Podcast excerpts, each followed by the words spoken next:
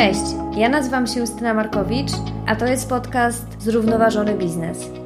To miejsce dla przedsiębiorców, wizjonerów i innowatorów, którzy chcą zmienić świat biznesu na bardziej zrównoważony. Jeżeli bliski sercu jest Ci model firmy tworzącej wartość dla środowiska i społeczeństwa, to jest to miejsce dla Ciebie.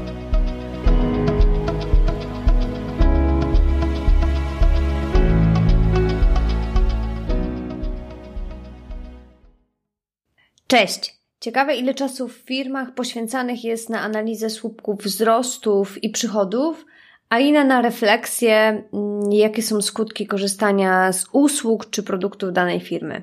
Wydaje się niemożliwym rozmawianie o wpływie społecznym, wpływie środowiskowym, wizji rozwoju firmy, odpowiedzialności firmy, jej zrównoważeniu, e, czy nawet o scenariuszach przyszłości bez uruchomionej w firmie e, refleksji etycznej. I ten odcinek musiał powstać, bo to właśnie etyka jest fundamentem, e, można powiedzieć, takim powietrzem e, tego, nad czym się w tym podcaście pochylamy, czyli nad tym, jak robić biznes odpowiedzialny, niesamolubny, regeneracyjny, zrównoważony i taki, który próbuje rozwiązać problemy społeczne czy środowiskowe. I w tym odcinku dowiadujemy się przede wszystkim, czym w ogóle etyka biznesu jest, kto powinien być jej właścicielem w firmie, jakie są największe zmiany czy też trendy, które nasuwają bądź będą nasuwać e, w najbliższej przyszłości wiele pytań etycznych. E, kto jest nieodkrytym przywódcą współczesnej etyki? Jakie są dobre praktyki z zakresu etyki biznesu, które firma może wdrożyć? Oraz od jakich e, pytań dobrze zacząć swoją refleksję etyczną. Nieważne na jakim stanowisku, w jakiej roli e, funkcjonujemy w, w danym e, miejscu. Ze mną dzisiaj Robert Sroka, który od 15 lat teoretycznie i praktycznie zajmuje się etyką biznesu, odpowiedzialnym inwestowaniem, compliance, ładem korporacyjnym i prawami człowieka. Robert to etyk biznesu, który łączy trzy światy: naukę, biznes i administrację centralną. Od 2018 roku jest dyrektorem do spraw odpowiedzialnego inwestowania na Europę Środkową oraz rzecznikiem etyki w funduszu inwestycyjnym Abris Capital Partners. Współpracuje na stałe e, z Katedrą Przedsiębiorczości i Etyki w Biznesie Akademii Leona Koźmińskiego i jest również członkiem Rady Centrum Etyki Technologii. Robert doświadczenia zawodowe zdobywał pracując m.in. w EY, e, w zespole zarządzania ryzykiem nadużyć oraz w zespole zmian klimatu i zrównoważonego rozwoju. Jest też autorem i współautorem kilkudziesięciu artykułów naukowych, analiz, raportów, przewodników i narzędzi dla biznesu, w tym swoich dwóch autorskich książek Nieodkryci przywódcy współczesnej etyki biznesu oraz druga książka to Etyka i prawa człowieka w biznesie w poszukiwaniu metody. Dla mnie osobiście bardzo ciekawy odcinek. Jeżeli dla Was również, to gorąco zachęcam Was, żebyście poleciły, polecili ten odcinek komuś, e, kto Waszym zdaniem skorzysta, dla kogo będzie to odcinek interesujący. I jednocześnie e, zachęcam Was również do wsparcia rozwoju podcastu e, na platformie Patronite lub na platformie Buy Coffee.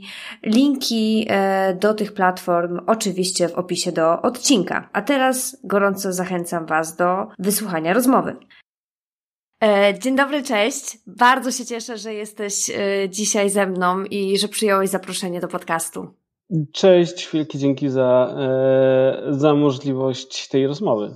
Będziemy dzisiaj rozmawiać o istotnym temacie, o etyce biznesu i chciałabym zacząć pytaniem dość szerokim, e, bo chciałabym zapytać e, Ciebie, czym e, ta etyka w biznesie jest, gdzie ona się w firmie przejawia i czy powinna mieć swojego właściciela bądź właścicielkę w, w organizacji?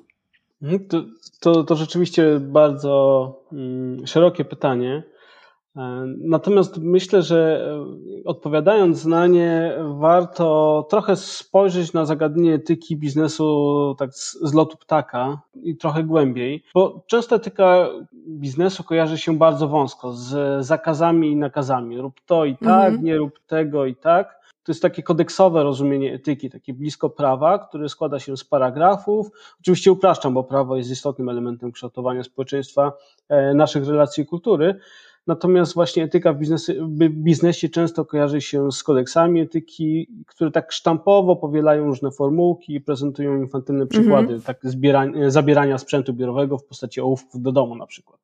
I Myślę, że dlatego rozmawiając o etyce biznesu, ja przynajmniej próbuję ją trochę odczarować od tego z jednej strony podejścia legalistycznego, przejawiającego się w nakazach i zakazach, a z drugiej strony od takiego sprowadzania do banału. I może zacznę od odpowiedzi na pytanie, czy etyka biznesu powinna mieć właściciela czy właścicielkę w, w organizacji.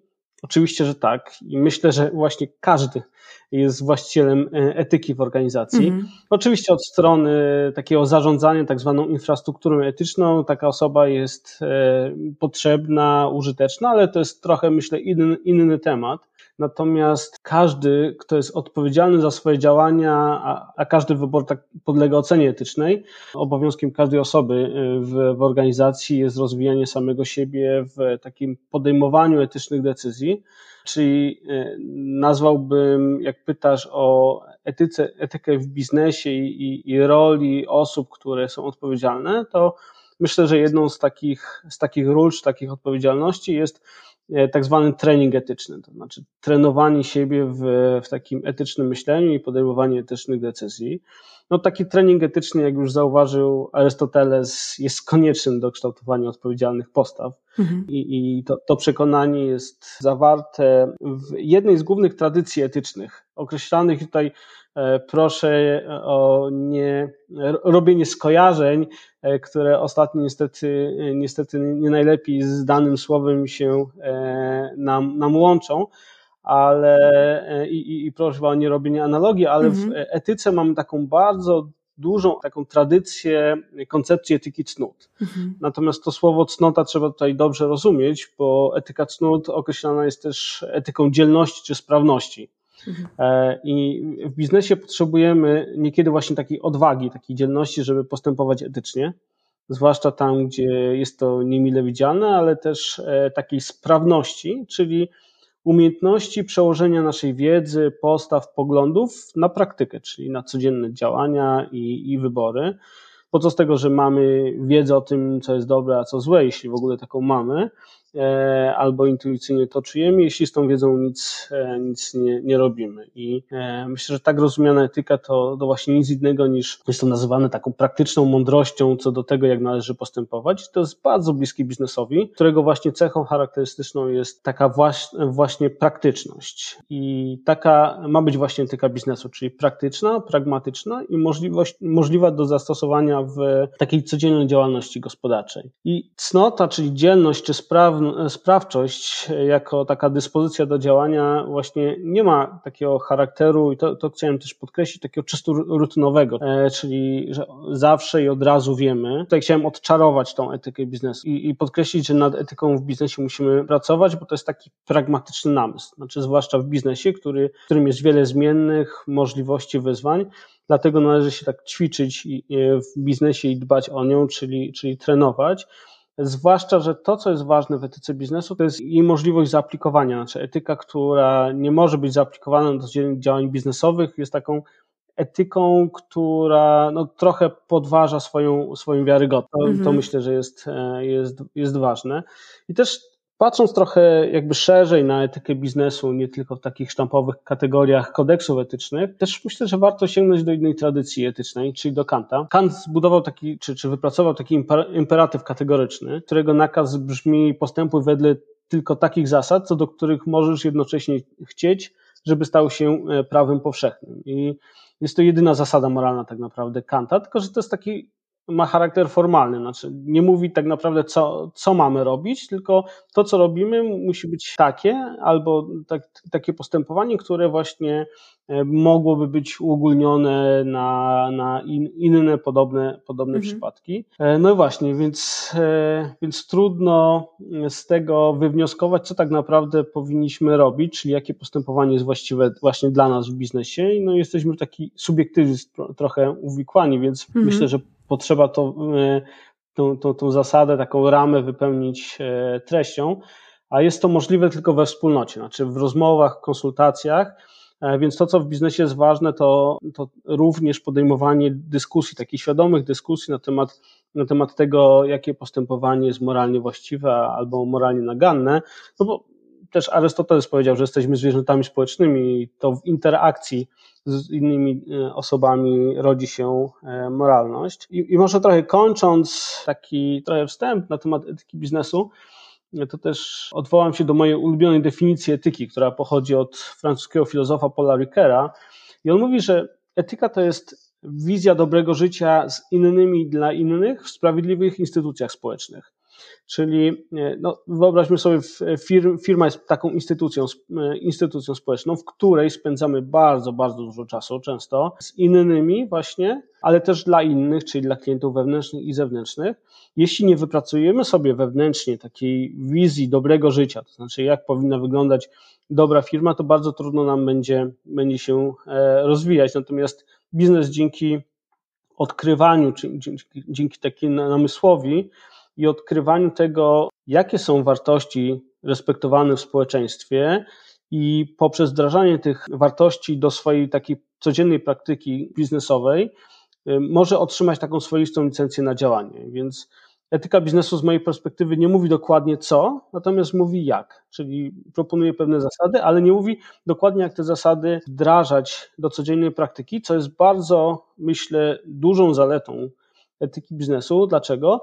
Dlatego, że właśnie e, dzięki temu, że mówi jak, nie mówi dokładnie co, to daje szansę na e, tak zwaną nie wiem, na, na, kreatywność, przedsiębiorczość, e, czyli na, na, rozwijanie się biznesu, a nie z czymś, co przez wiele osób jest kojarzone właśnie z pewnymi ograniczeniami. Więc myślę, że jedyną rzeczą, którą etyka ogranicza, to jest, to jest cierpienie, a tak naprawdę taka proponowana przeze mnie etyka biznesu to jest etyka, która pozwala rozwijać się biznesowi, zdobywać akceptację społeczną, mhm.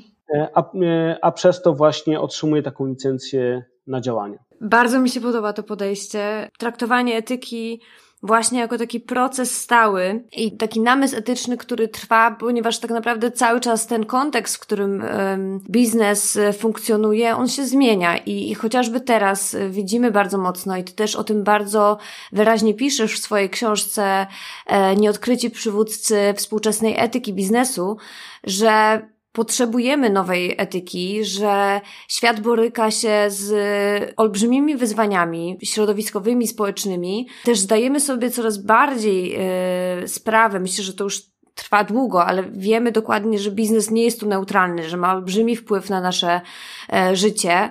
E, ale też e, wraz e, z rozwojem technologicznym i naukowym i, i w tym, jak biznes rozwija różne swoje mm, serwisy i produkty, pojawia się coraz więcej takich obszarów, które wymaga tej refleksji, tego namysłu etycznego. No właśnie, ja bym chciała trochę porozmawiać o tych, o tych zmianach, które się dzieją w, na świecie. Jakie będą według Ciebie takie największe te mega trendy gospodarcze e, i dylematy moralne, które powinniśmy e, w biznesie wziąć pod uwagę, myśląc o etyce w naszych działaniach. Mhm. Tak, rzeczywiście te megatrendy będą, e, będą istotne i, i, i, musimy cały czas prowadzić ten namysł etyczny. Natomiast e, wspomniałaś, że jakby biznes, jakby ta ocena etyki biznesu czy biznesu pod kątem etycznym wcześniej nie była tak, tak może istotna, natomiast zawsze biznes e, był oceniany w kontekście, w kontekście etycznym. Zawsze czyny ludzi były, biznesu były albo moralnie dobre, albo moralnie naganne. Mm. Natomiast to, co się zmieniło e, w ciągu ostatnich dziesięcioleci, to wpływ biznesu właśnie na społeczeństwo i środowisko i zakres tego wpływu. Bo im większy wpływ, tym większa odpowiedzialność za skutki tego wpływu. I może dla lepszego wyobrażenia sobie skali, bo to jest myślę pierwszy taki megatrend, który powinniśmy zauważyć. On, on z nami już jest od, od kilkudziesięciu lat, natomiast myślę, że on nie jest wystarczająco e, dobrze zrozumiany. Tym megatrendem jest właśnie ta skala wpływu e, biznesu na społeczeństwo i środowisko. I dla przykładu, Walmart, który jest jedną z największych e, firm e, globalnych, mhm. międzynarodowych, e, zatrudnia dwa, ponad 2 miliony pracowników, co jest większą liczbą osób niż na przykład obywateli Słowenii.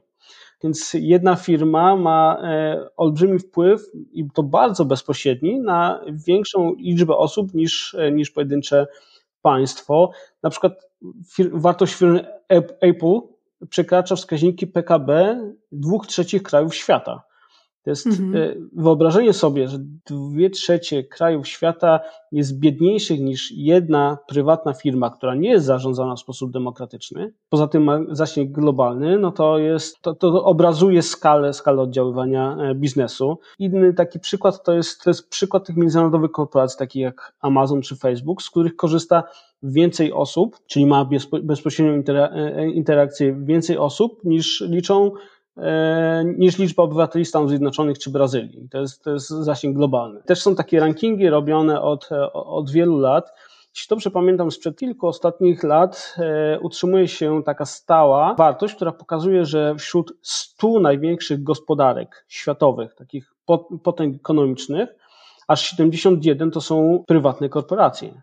Czyli, czyli to jest, to jest niesamowite, niesamowite oddziaływanie. Czyli powtórzę, 70% wśród 100 największych gospodarek, potęg gospodarczych, ekonomicznych globalnie to są, to są prywatne podmioty. Mm.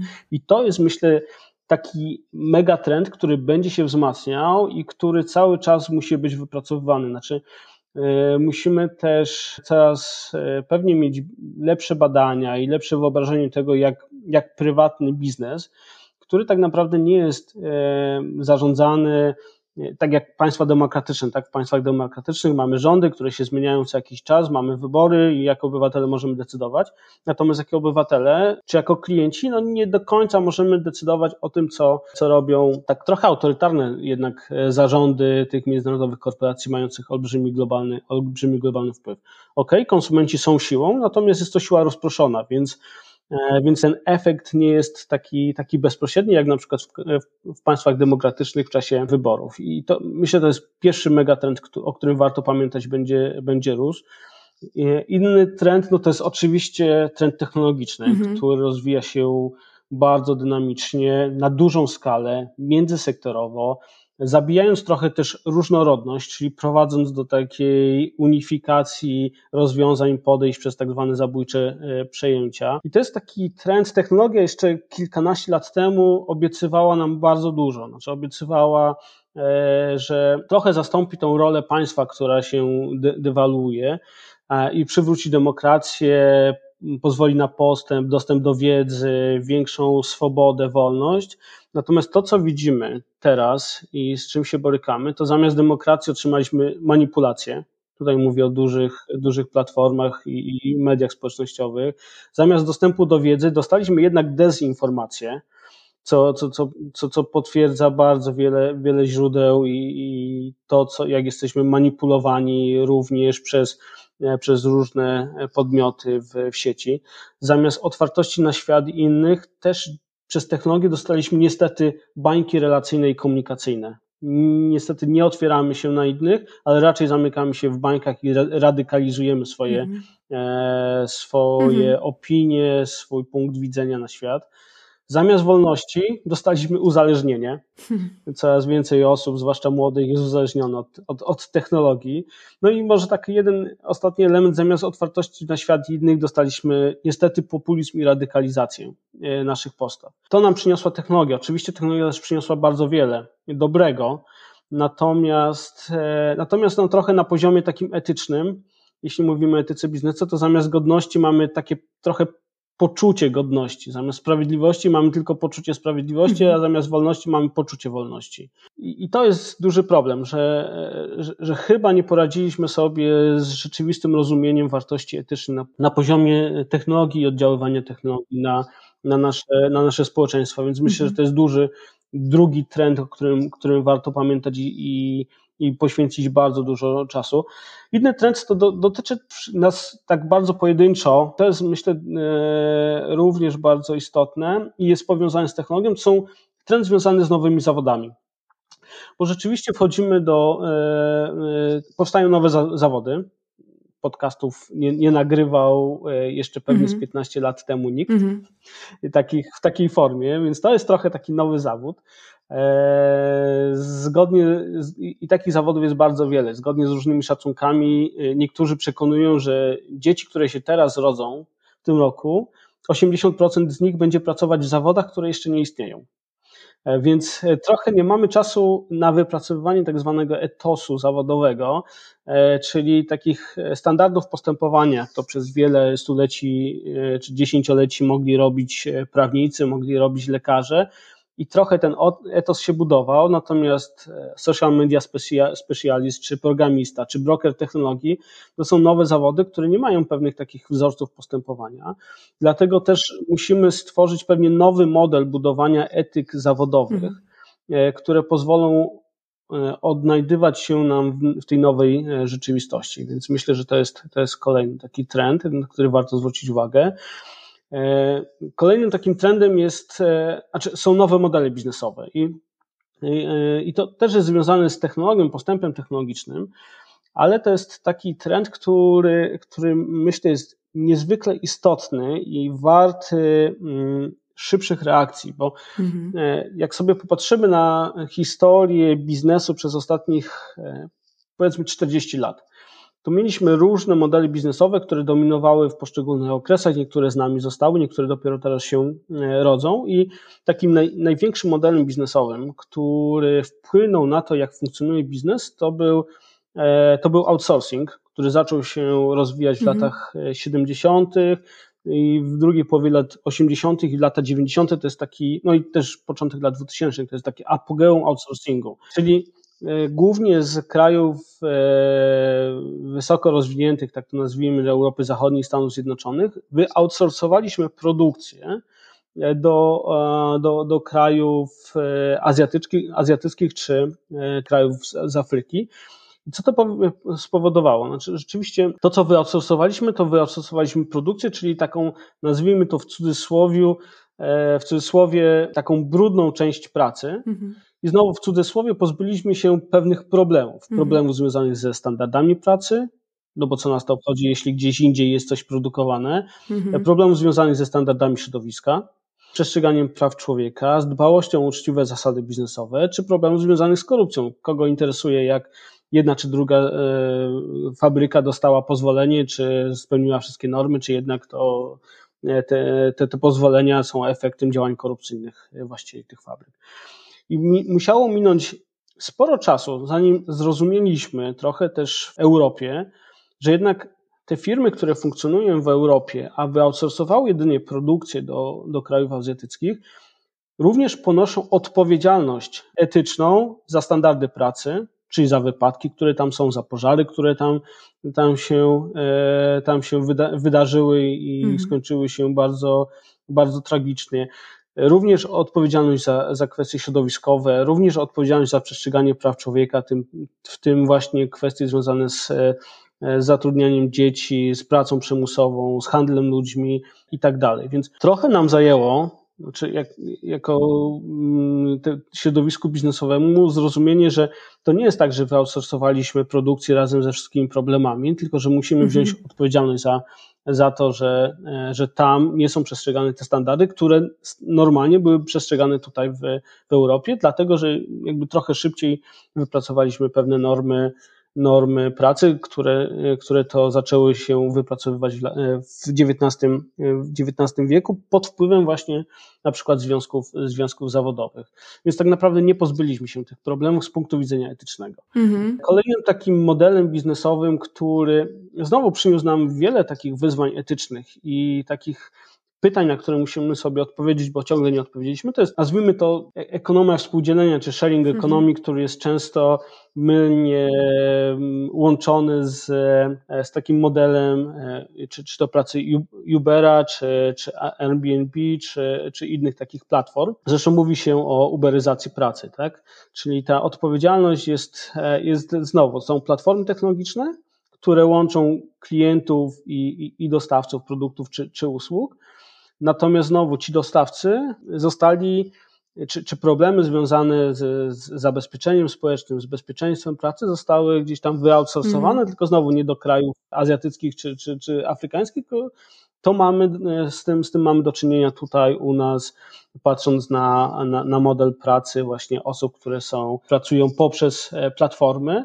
I do tego doszła jeszcze technologia, która podkręciła te elementy związane z taką, sub, taką subiektywną oceną pracy tych pracowników. Więc znowu zastosowaliśmy pewne problemy e, w tym modelu, ale nie wzięliśmy, nie wzięliśmy za e, odpowiedzialności za, e, za tych, którzy de facto do, dostarczają wartość biznesową. Mhm. No i myślę, że teraz mamy do czynienia z kolejnym takim trzecim modelem. To jest, to jest taki gdzieś, gdzieś mój podział bardzo uproszczony, ale to jest taki model, który się nazywa Business as a Service, Product as a Service, czyli e, dostarczamy nie produkty bezpośrednio, tylko dostarczamy usługę. I chyba takim najbardziej standardowy, standardowym przykładem jest przykład mm, lotniska w Amsterdamie, które od Philipsa zakupiło nie żarówki, e, ramy, kable, tylko zakupiło ilość lumenów na metr kwadratowy. Mhm. Czyli tak naprawdę usługę dostarczenia światła, no bo to, co lotnisku jest potrzebne, to nie są potrzebne żarówki, tylko jest potrzebne światło, jak produkt końcowy.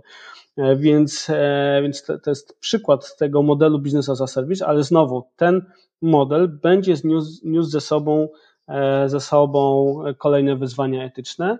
No nie mówiąc już o kolejnym modelu biznesowym, który będzie oparty jednak na technologii, uczeniu maszynowym i, i systemach sztucznej inteligencji, o czym pewnie moglibyśmy bardzo długo, dużo rozmawiać i, i o czym teraz się dyskutuje bardzo mocno, jak wprowadzić do algorytmów e, właśnie zasady etyczne poprzez właśnie ethics by design, ethics by default, te wszystkie mechanizmy, które są teraz wypracowane, co jest bardzo, bardzo skomplikowane i to jest pewnie na, e, temat na inną rozmowę. Ale mm, jeszcze może dwa słowa o tych, e, o tych różnych trendach, o których powinniśmy pamiętać, e, myśląc o etyce biznesu. Na pewno demografia, zmienia się, zmienia się struktura demograficzna społeczeństw, więc to na pewno będzie niosło ze sobą wiele, wiele wyzwań etycznych.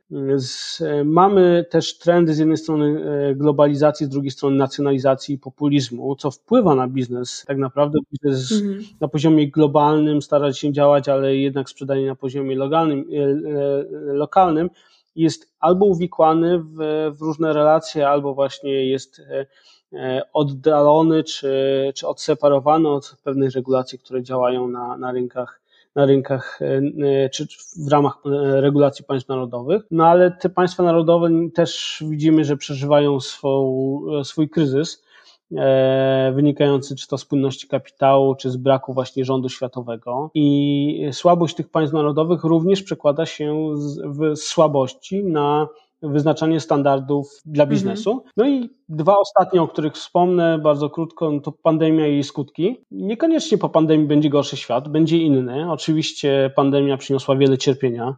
E, I, I to o tym musimy pamiętać. Natomiast jak popatrzymy historycznie, to po, po ostatniej wielkiej pandemii nastąpił renesans, więc e, ja jestem bardzo ciekawy, jak będzie wyglądał świat po pandemii. Nie świat rok po pandemii czy dwa, ale 5-10 mm. lat po pandemii to, e, to będą na pewno bardzo ciekawe zjawiska. No i ten olbrzymi, olbrzymi trend, jakim są zmiany klimatyczne, e, więc, e, więc to też stawia przed biznesem wiele wyzwań etycznych. Mhm. Dzięki Ci wielkie za, za te trendy. Myślę, że bardzo to otwiera głowę i też jakoś automatycznie, jak, jak powiedziałeś o algorytmach czy machine learning i o tym, że to jest olbrzymi temat, od razu gdzieś tam e, myśli się o tym, co też piszesz w swojej książce, że tę refleksję etyczną należy przeprowadzać branżowo, bo wtedy mamy tę ten specjalizację. E, I chciałabym właśnie w kolejnym pytaniu zapytać Cię właśnie o to, bo stawiasz tezę, że właśnie e, organizacje branżowe mogą być tymi nieodkrytymi przywódcami współczesnej etyki. Przez 350 stron pokazujesz badania, uzasadniasz tę tezę. Oczywiście nie jesteśmy w stanie podczas tego podcastu, nie, nie będziesz pewnie w stanie ująć wszystkiego, ale może uda się podzielić najważniejszymi argumentami, argumentami, które, które przedstawiasz w książce. Ja ze swojej strony, jakby w, w takim, można powiedzieć, obronie też tej tezy, że, że organizacje i ta współpraca branżowa jest bardzo e, ważna e, w kontekście etyki biznesu jest chociażby to, jak firmy powinny się jednoczyć i, i przestać w taki klasyczny sposób rywalizować i konkurować, a właśnie wypracowywać innowacyjne rozwiązania, które pozwolą walczyć z kryzysem klimatycznym. Tutaj dużo mówi się właśnie w, w gospodarce obiegu zamkniętego o takim podejściu, e, gdzie firmy z jednej branży stają ramię przy ramieniu i, i wypracowują wspólnie te innowacje, których sami w pojedynkę by po prostu nie byli w stanie wypracować e, i, i rzeczywiście e, pójść do przodu. No dobrze, to, to ja teraz pewnie zamieniam się w słuch, jak to, jak to wygląda e, w, twojej, w Twoich badaniach.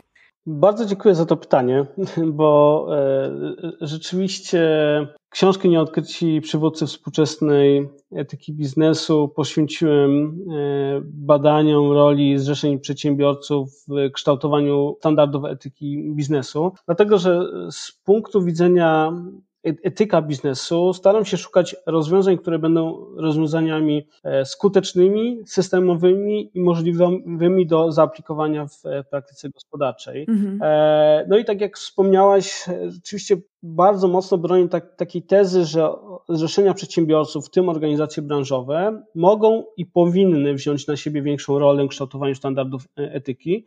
Mogą z prostej przyczyny, dlatego że takie rozwiązania już istnieją. E, i rzeczywiście się sprawdzają. Natomiast e, bardziej mnie e, zinteresowała taka próba znalezienia odpowiedzi, dlaczego powinny, czyli próba argumentacji na takim głębszym, poziomie. I tak doszedłem do wniosku po prowadzeniu różnych badań, że powinny, bo tak naprawdę są zobowiązane do wyznaczania standardów etyki w biznesie jako integralna część systemu gospodarczego. I zgodnie z zasadą subsydiarności inaczej zwaną zasadą pomocniczości, która jest podstawową, fundamentalną zasadą zarówno e, funkcjonowania Unii Europejskiej, ale też jest zawarta w Konstytucji Rzeczypospolitej Polskiej. E, zgodnie z tą zasadą należy oddawać władzę najniżej jak się da tym podmiotom, które są w stanie poradzić sobie z danym, z danym problemem, z danym wyzwaniem, również w zakresie etyki biznesu.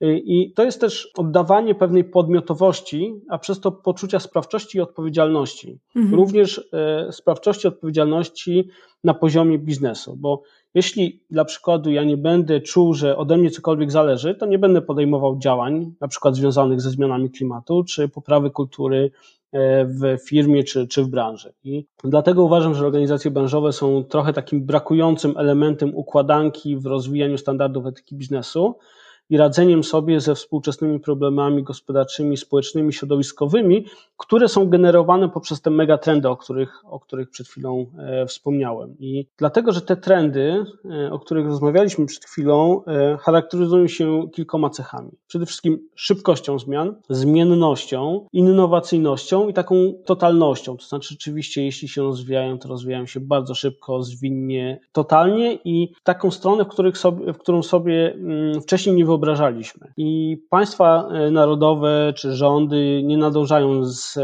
z, regulowaniem tych nowych trendów biznesowych czy nowych modeli biznesowych, a taki pojedynczy człowiek, jak ja, ty, nasi słuchacze, niekoniecznie nadążają, czy, czy są w stanie zdobywać wiedzę i rozumieć, rozumieć to, co się dzieje w tych różnych obszarach życia i rozwoju gospodarczego, technologicznego, a pojedyncze firmy skupiają się tak naprawdę na sobie, przetrwaniu, robieniu, robieniu biznesu i też tak jak popatrzymy na strukturę firm, to nie zawsze mamy prezesa intelektualistę, który y, y, jakby ma szerokie horyzonty, chociaż mhm. wielu takich jest rzeczywiście, ale ich czas i uwaga jest skupiona na, na rozwijaniu swojego biznesu. No i zostaje nam spróbować e, uruchomić ten właśnie poziom mezo, czyli te organizacje pośrednie. E, to są organizacje właśnie zrzeszenia przedsiębiorców, są organizacje branżowe, ale też tutaj wchodzi trzeci sektor, czyli organizacje pozarządowe. I dlaczego? Dlatego tak myślę, że za, za tą tezą przemawia, za słusznością tej tezy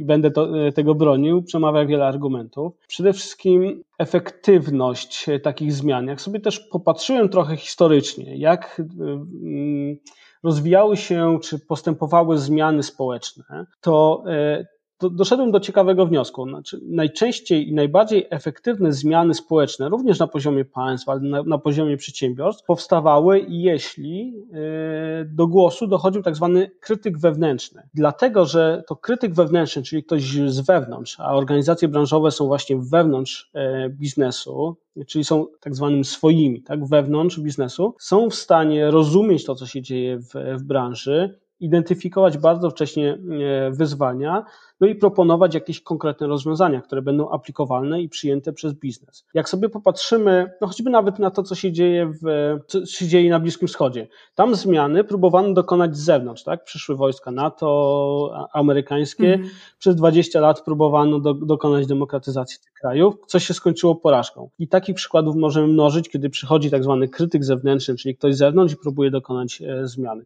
Ale jak popatrzymy na przykład na zmiany, które wydarzyły się w Polsce e, i te zmiany, które rozpoczęły się w latach no, 70., no ale kumulacja to jest początek lat 80., Solidarność, to, to założył Solidarność. Nie ktoś z zewnątrz przyszedł i, i, i zrobił w Polsce transformację, tylko Solidarność powstała wewnątrz tego systemu, czyli powstał krytyk wewnętrzny, czy to jedna osoba, czy to jakiś podmiot zbiorowy, który od wewnątrz powiedział, to, na, to nie gra, to musi się zmienić i mamy takie i takie propozycje na zmiany i był w stanie pociągnąć e, innych w kierunku tej zmiany. Czyli organizacje branżowe są właśnie takim trochę krytykiem e, wewnętrznym e, i myślę i zachęcam do, do takiej pracy i przedsiębiorstwa, które chcą się zmienić i widzą, że mają wyzwania, do poszukiwania takich krytyków wewnętrznych u siebie, dlatego że to jest najlepszy sposób przeprowadzania konstruktywnych, fajnych, ale też bardzo, bardzo efektywnych zmian. Mhm. Po drugie, to, co charakteryzuje takie organizacje, to jest taka interdyscyplinarność, no bo nie możemy się zamykać e, tylko w jednym małym e, obszarze wiedzy, ale musimy spojrzeć nie tylko na e, ten element biznesowy czy techniczny, ale również szerzej na społeczny, regulacyjny, środowiskowy.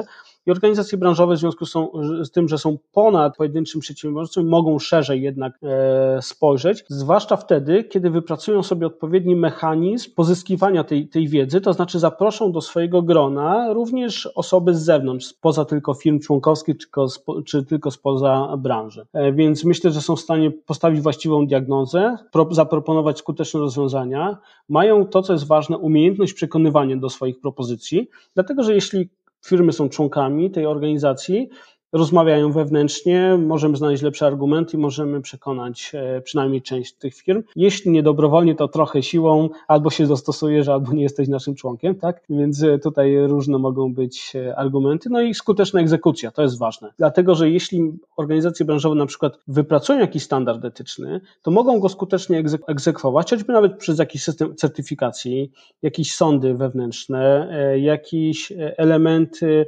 weryfikacji karania, e, karania tych, którzy się nie stosują do, do danej e, do danej samoregulacji na, e, w zakresie etyki biznesu. I to, co jest, myślę, istotne, to jest też taka elastyczność, efektywność i szybkość. Rzeczywiście organizacje branżowe mogą szybciej zadziałać niż, e, niż państwa narodowe, przygotowując regulacje, które e, często są przygotowane niechlujnie, bez znajomości e, takich szczegółów, detali związanych z biznesem, no i są przeciwskuteczne. I, i wspomniałaś też o, o tym elemencie takiej współpracy biznesu. I myślę, że właśnie organizacje, czy zrzeszenia przedsiębiorców, czy organizacje branżowe są właśnie taką platformą, gdzie może dochodzić do spotkania tych firm, które na co dzień ze sobą konkurują na, na poziomie dostarczanych produktów czy usług, ale mogą współpracować na poziomie innowacji czy na poziomie wyznaczania pewnych standardów postępowania. Mhm. No i myślę, że takich argumentów, dlaczego warto to robić, jest, e, jest wiele. Na przykład e, pierwszy to jest lepsze szanse na rozwój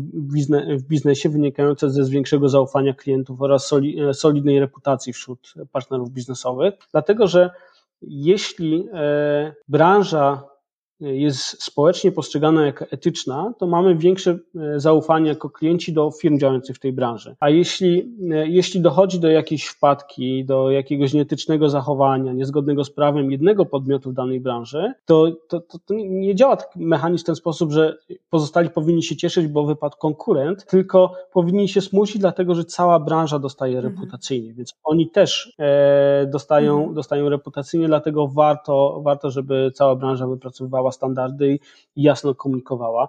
Na pewno są mniejsze koszty transakcyjne, osiągane dzięki uznanym i respektowanym w branży zasadom etycznym, które przekładają się czy, czy przejawiają się w większym zaufaniu do partnerów biznesowych. Jeśli ja wiem, że w danej branży e, stosuje się na przykład jakieś wzory umów albo e, jakieś standardy postępowania, to te koszty e, takie transakcyjne, zabezpieczania prawników, ubezpieczeń i tak dalej są mniejsze. Na pewno jest to też przyjaźniejsze środowisko regulacyjne. Znaczy takie, dzięki takiej współpracy i takiej samoregulacji e, branży, również w zakresie standardów postępowania, e, e, branża nie daje pretekstu państwu do wprowadzenia dodatkowych regulacji, więc, więc to jest kolejny taki benefit. Łatwiejsze zatrzymywanie i przyciąganie talentów. Myślę, że warto o tym pamiętać. Tylko, że to nie jest nam trochę obojętne, w jakiej branży pracujemy. Znaczy, w sensie każdy chce mieć, może nie każdy, ale wiele osób chce, chce mieć poczucie takiego bycia częścią e, czegoś pozytywnego, mhm. czyli czegoś, co, e, co jest postrzegane tak społecznie pozytywnie, czyli pracować w takiej branży, która jest trochę uznana. Kiedyś taka branża była, to były takie branże, nie wiem, właśnie medyczna, czy, e, czy branża finansowa. Natomiast rodzą się nowe branże, które nie wiadomo, czy wchodzenie do tej branży to jest z punktu widzenia mnie jako, jako osoby, która chce się rozwijać w przyszłości mm, dobre czy, czy złe, więc to łatwiejsze jest zatrzymywanie, przyciąganie talentów dzięki właśnie dumie z pracy w danej branży. Na pewno uczciwsze warunki konkurencyjne, mniej kryzysów reputacyjnych w branży, to, to zdecydowanie tak. No i efektywniejsze odpowiadanie na oczekiwania społeczne, bo etyka pozwala zmniejszyć E, koszty dostosowania, e, prowadzenia za, zasad, czy, czy, zmian, które są wymagane przez na przykład watchdogi, organizacje pozarządowe, stowarzyszenia i grupy konsumentów. Więc myślę, że tych takich, nazwijmy, benefitów e, do współpracy w ramach, w ramach branży i ustalania pewnych standardów postępowania etycznego jest, jest bardzo wiele. Mhm. Tak, y, to zdecydowanie czuje się. I teraz jak się słucha, to wiesz, jak dajesz tyle argumentów, to, to człowiek widzi, że to, to ma wartość. Ja y, usłyszałam też w swojej wypowiedzi kilka już praktycznych takich rad. Powiedziałeś o tym, że warto y, jakby uruchomić ten głos krytyka wewnętrznego i też zapraszać ludzi spoza nawet y, tej organizacji, żeby też wnosiły taki powiew świeżości. Powiedziałeś też właśnie o tym, że organizacje branżowe powinny mieć mechanizmy mechanizmy takiej egzekucji czy też e, certyfikacji mogłyby wypracować, ale jakie jeszcze masz takie praktyczne rady mm, dla biznesu związane właśnie z branżowym organizowaniem się, ale nie tylko. Może też już e, moglibyśmy też e, powiedzieć o tym, jakie w ogóle działania firma powinna podjąć, jeżeli chodzi o wdrażanie etyki biznesu u siebie. Mhm. To może zacznę tego poziomu branżowego, bo on, on jest dość e, bliski mi i uważam bardzo skuteczny, dlatego że jeśli na poziomie branżowym e, wypracuje się pewne zasady postępowania i pewien taki też kodeks etyki i, i, i wartości, które przyświecają tej branży, dużo łatwiej będzie wdrażać e, podobne zasady etyczne na poziomie firm. Firmy też nie mogą, z takiego biznesowego punktu widzenia praktycznego, firmy też nie mogą tracić na, na tym, że postępują w sposób etyczny. Może to nie brzmi dobrze, ale jeśli cała branża e, wypracuje pewne standardy, to łatwiej, łatwiej firmom dostosowywać się, również tym firmom, które wchodzą na, na rynek. I e, z praktycznego punktu widzenia wygląda tak, że rzeczywiście warto zacząć od na, na poziomie branży, na, na początek od wypracowania pewnego standardu, pewnego kodeksu etyki. Ja miałem przyjemność ostatnio brać udział w takim projekcie e, wypracowania kodeksu etyki branży e-commerce mhm. i tam rzeczywiście e, zastanawialiśmy się, jak, jak powinien wyglądać e, kodeks etyki i, i czym powinien być i doszliśmy do takiego wniosku, takiej propozycji, że no, kodeks to jest przede wszystkim tak, taka wizja rozwoju branży w całej gospodarce i w społeczeństwie, czyli to, co wcześniej nawiąz- zaproponowałem, czy przypomniałem tą definicję etyki Polari Rikera jako wizji dobrego życia z innymi dla innych w sprawiedliwych instytucjach społecznych, to jest właśnie kodeks etyki z taką wizją harmonijnego rozwoju e, branży. Jest, może być takim bardzo konkretnym zestawem wskazówek w zakresie kluczowych obecnych i przyszłych wyzwań w branży e-commerce. To jest taka branża, podaję tą branżę też dlatego, że to jest taka branża, która dynamicznie się rozwija, ma olbrzymi wpływ, coraz więcej z niej korzystamy, ale też jest bardzo mocno technologiczna, no i niesie ze sobą coraz więcej takich wyzwań etycznych, więc taki kodeks może być konkretnym wsparciem w podejmowaniu decyzji etycznych w sytuacjach wątpliwych, no bo to jest ważne. Wątpliwych, czyli osoby w tym biznesie stoją coraz częściej przed dylematami etycznymi, przed, z którymi nikt wcześniej się nie zmierzył. Mhm. Dlatego, że po prostu nie było takich sytuacji. To są te sytuacje e, wątpliwe, nowe i kodeks powinien być taką busolą, do którego, e, czy zestawem wartości, do, do którego się odnosimy, zastanawiamy się, jak, jak postąpić, dlatego, że nie ma gotowej odpowiedzi. To też pewien element mojej takiej krucjaty odczarowywania etyki, że to nie jest tak, że etyka gdzieś tam jest, wykuta w skalę i, i, i tylko wystarczy ją zastosować. Nie, musimy bardzo mocno się napocić, żeby wypracować interpretację takich uznanych zasad etycznych jak uczciwość, sprawiedliwość e, i tak dalej w, praktyce biznesowej, co to oznacza dla nas. E, I to, co jest istotne, to kodeks też pomaga e, wypracować szczegółowe mechanizmy samoregulacji. To, mhm. to jest taki zestaw wartości, no ale on powinien być przełożony na to, co konkretnie należy należy wykonać. W ramach tej, te, tego ćwiczenia, czyli wypracowania kodeksu etyki branży e-commerce, yy, jest zaproponowanych 11 zasad. Pozwól, że je przytoczę, bo mhm. one też pokazują e, to, to spojrzenie na etykę biznesu takie otwierające, nie zamykające. Pierwsza to jest tak uczciwość we wszystkim, co robimy, czyli tutaj przede wszystkim podkreślałem, podkreślałem w tym kodeksie relacje z klientami, prezentację produktów, politykę informacyjną, czyli bardzo takie fundamentalne zasady, czy, czy core biznesu, e-commerce'u, czyli relacji biznes-klient. Mhm. Uczciwość we wszystkim, co robimy, to pierwsza zasada. Druga to jest budujemy naszą wiarygodność poprzez wysokie, wysokiej jakości procesy biznesowe.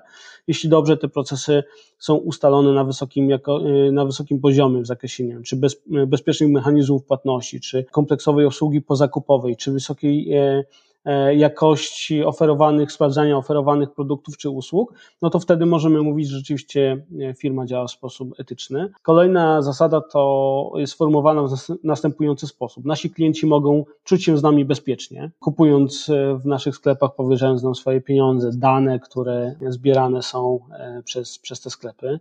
Kolejna zasada to tworzone, tworzymy przyjazne miejsca pracy, to jest ten aspekt HR-owy, ludzki. Kolejna, dbamy o jakość technologii, no, technologia jest niezwykle istotna w tym, w tym biznesie. Również jest taka zasada, że etycznie rozwijamy i wprowadzamy innowacje. Kolejna to jest troszczymy się o najsłabszych. Ja uważam, że taką miarą etycznego postępowania jest to, jak podchodzimy do ludzi z, e, na, takich najbardziej mhm. podatnych, na przykład na manipulacje i najsłabszych. Tutaj mam na myśli to na przykład, jak są ustalane algorytmy sprzedażowe postępowania z osobami, na przykład, czy wykrywania takich przypadków osób, które mają na przykład w tym momencie depresję, albo osób starszych, albo osób, które, które borykają się z różnymi e, chorobami psychicznymi, które e, niekoniecznie mają tak bardzo, są bardzo odporne na pewne manipulacje, które mogą, mogą płynąć ze strony algorytmów i to jest bardzo ważne. Też istotny jest, e, to jest kolejna zasada prawa człowieka stanowił integralny wymóg przy doborze dostawców, czyli ta dbałość o ten łańcuch dostaw, czyli mm -hmm to, to brudna produkcja, o której wcześniej e, wspomniałem, a przede wszystkim o przestrzeganie praw człowieka -hmm. W łańcuchu dostaw.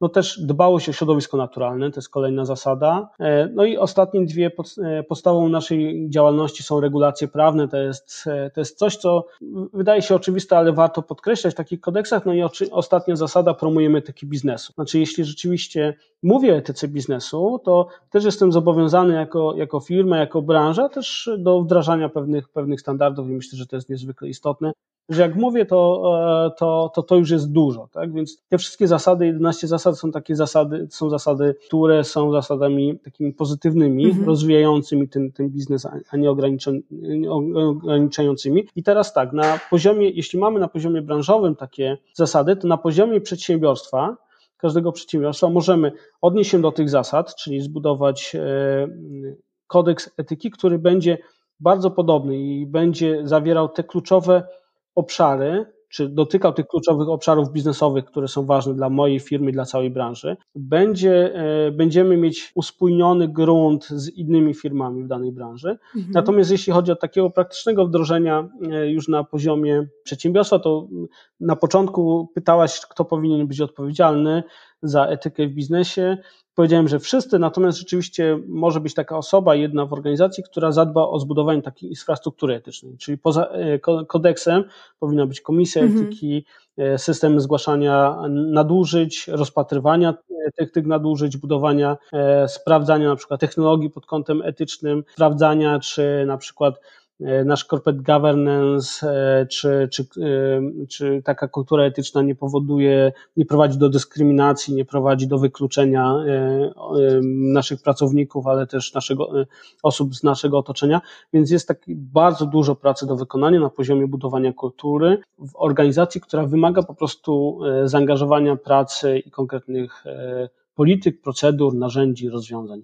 A teraz tak, może włożę w kij w mrowisko, ale wydaje mi się, że wciąż ta etyka biznesu no nie jest popularnym tematem e, i widzimy to chociażby na przykładzie przytoczonym też już wcześniej przez Ciebie e, Facebooka, giganta technologicznego, który, mm, jakby, którego wpływ na, na, na świat, na ludzi, na społeczeństwo jest olbrzymi i gdzieś tam y, można zauważyć, że tego refleksu, tej refleksji y, etycznej trochę zabrakło y, w całym tym tworzeniu takim bardzo dynamicznym y, swojej usługi. No więc skąd y, firmy, skąd y, pracownicy, osoby, które gdzieś budują ten trzon też taki właśnie tego, tej odpowiedzialności biznesu, bo, bo to, to też bardzo się wszystko łączy ze sobą. Ta odpowiedzialność za, za społeczeństwo, środowisko, e, za pracowników, e, za klientów, za, e, za dostawców, tak? Skąd czerpać tą wiedzę na temat etyki biznesu? Gdzie polecasz, żeby sięgnąć? Do jakich polskich czy zagranicznych źródeł. Mhm. Paradoksalnie w Facebooku tej refleksji etycznej nie zabrakło, bo jak się dowiadujemy mhm. z zeznań, Francis Hogan chyba tak się nazywa, ta menadżerka, która jest whistleblowerem, e, która ujawniła, że Facebook zlecił badania na zewnątrz, jaki wpływ mają jego algorytmy mhm. na, e, na, na użytkowników i okazało się z badań, że ten wpływ był, mm, jest negatywny. Znaczy on rzeczywiście powoduje przez algorytmy, które generują emocjonalne wypowiedzi, -hmm. mowę nienawiści, promują, e, radykalizu e, wypowiedzi, które radykalizują, to rzeczywiście skut, skutek jest e, bardzo negatywny, zarówno w obszarze takiej radykalizacji postaw, budowania społeczeństw plemiennych, napuszczanie jednych na drugich, ale też na poziomie takiej psychiki, zwłaszcza młodych ludzi, która przez te algorytmy, przez spędzanie czasu na Facebooku i przez algorytmy, które promują takie, a nie inne treści, może, które, które prowadzą często do, do chorób psychicznych, do depresji, a mm -hmm. czasem i, i samobójstw. Więc Facebook o tym wiedział, więc refleksja etyczna była.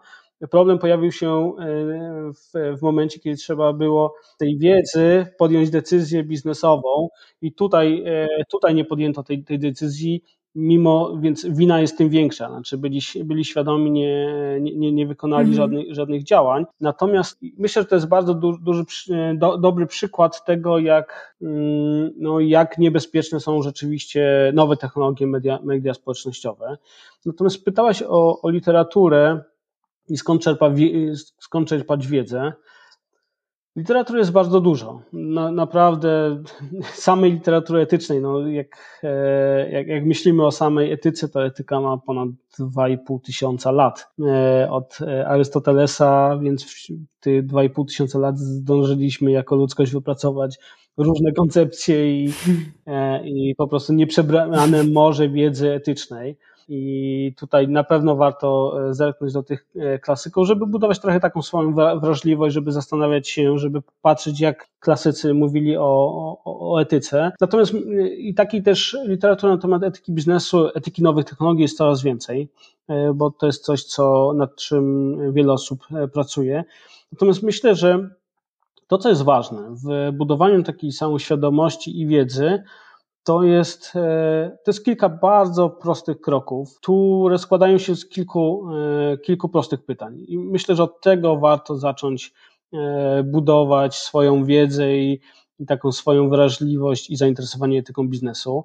No, bo gdy, jeśli mamy, jeśli już mamy potrzebę takiej refleksji etycznej, to warto sobie zadać kilka pytań bardzo fundamentalnych. Tak? Na przykład, czy to, co robię lub zamierzam zrobić, jest po pierwsze zgodne z prawem, po drugie, czy to jest zgodne z moimi wartościami, czy to jest zgodne z wartościami firmy, czy, e, czy decyzja, którą mam podjąć, czy chciałbym, żeby wszyscy e, tak postąpili w podobnej sytuacji, to jest nawiązanie do Kanta. No i ostatnie takie pytanie, czy jeśli cała sytuacja zostałaby opisana na przykład w portalach internetowych, w gazecie, czy wstydziłbym się e, tej swojej decyzji? I to jest kilka takich prostych pytań, które nam uruchamiają już myślenie etyczne i pozwalają też na te dalsze, dalsze poszukiwania e, wiedzy, ale przede wszystkim budowania takiej refleksji e, etycznej na poziomie przedsiębiorstw, branży, w dyskusji, czyli zderzenia zderzenia swojej, swojej wiedzy i swoich wątpliwości z, z innymi. E, no już prawie ostatnie pytanie e,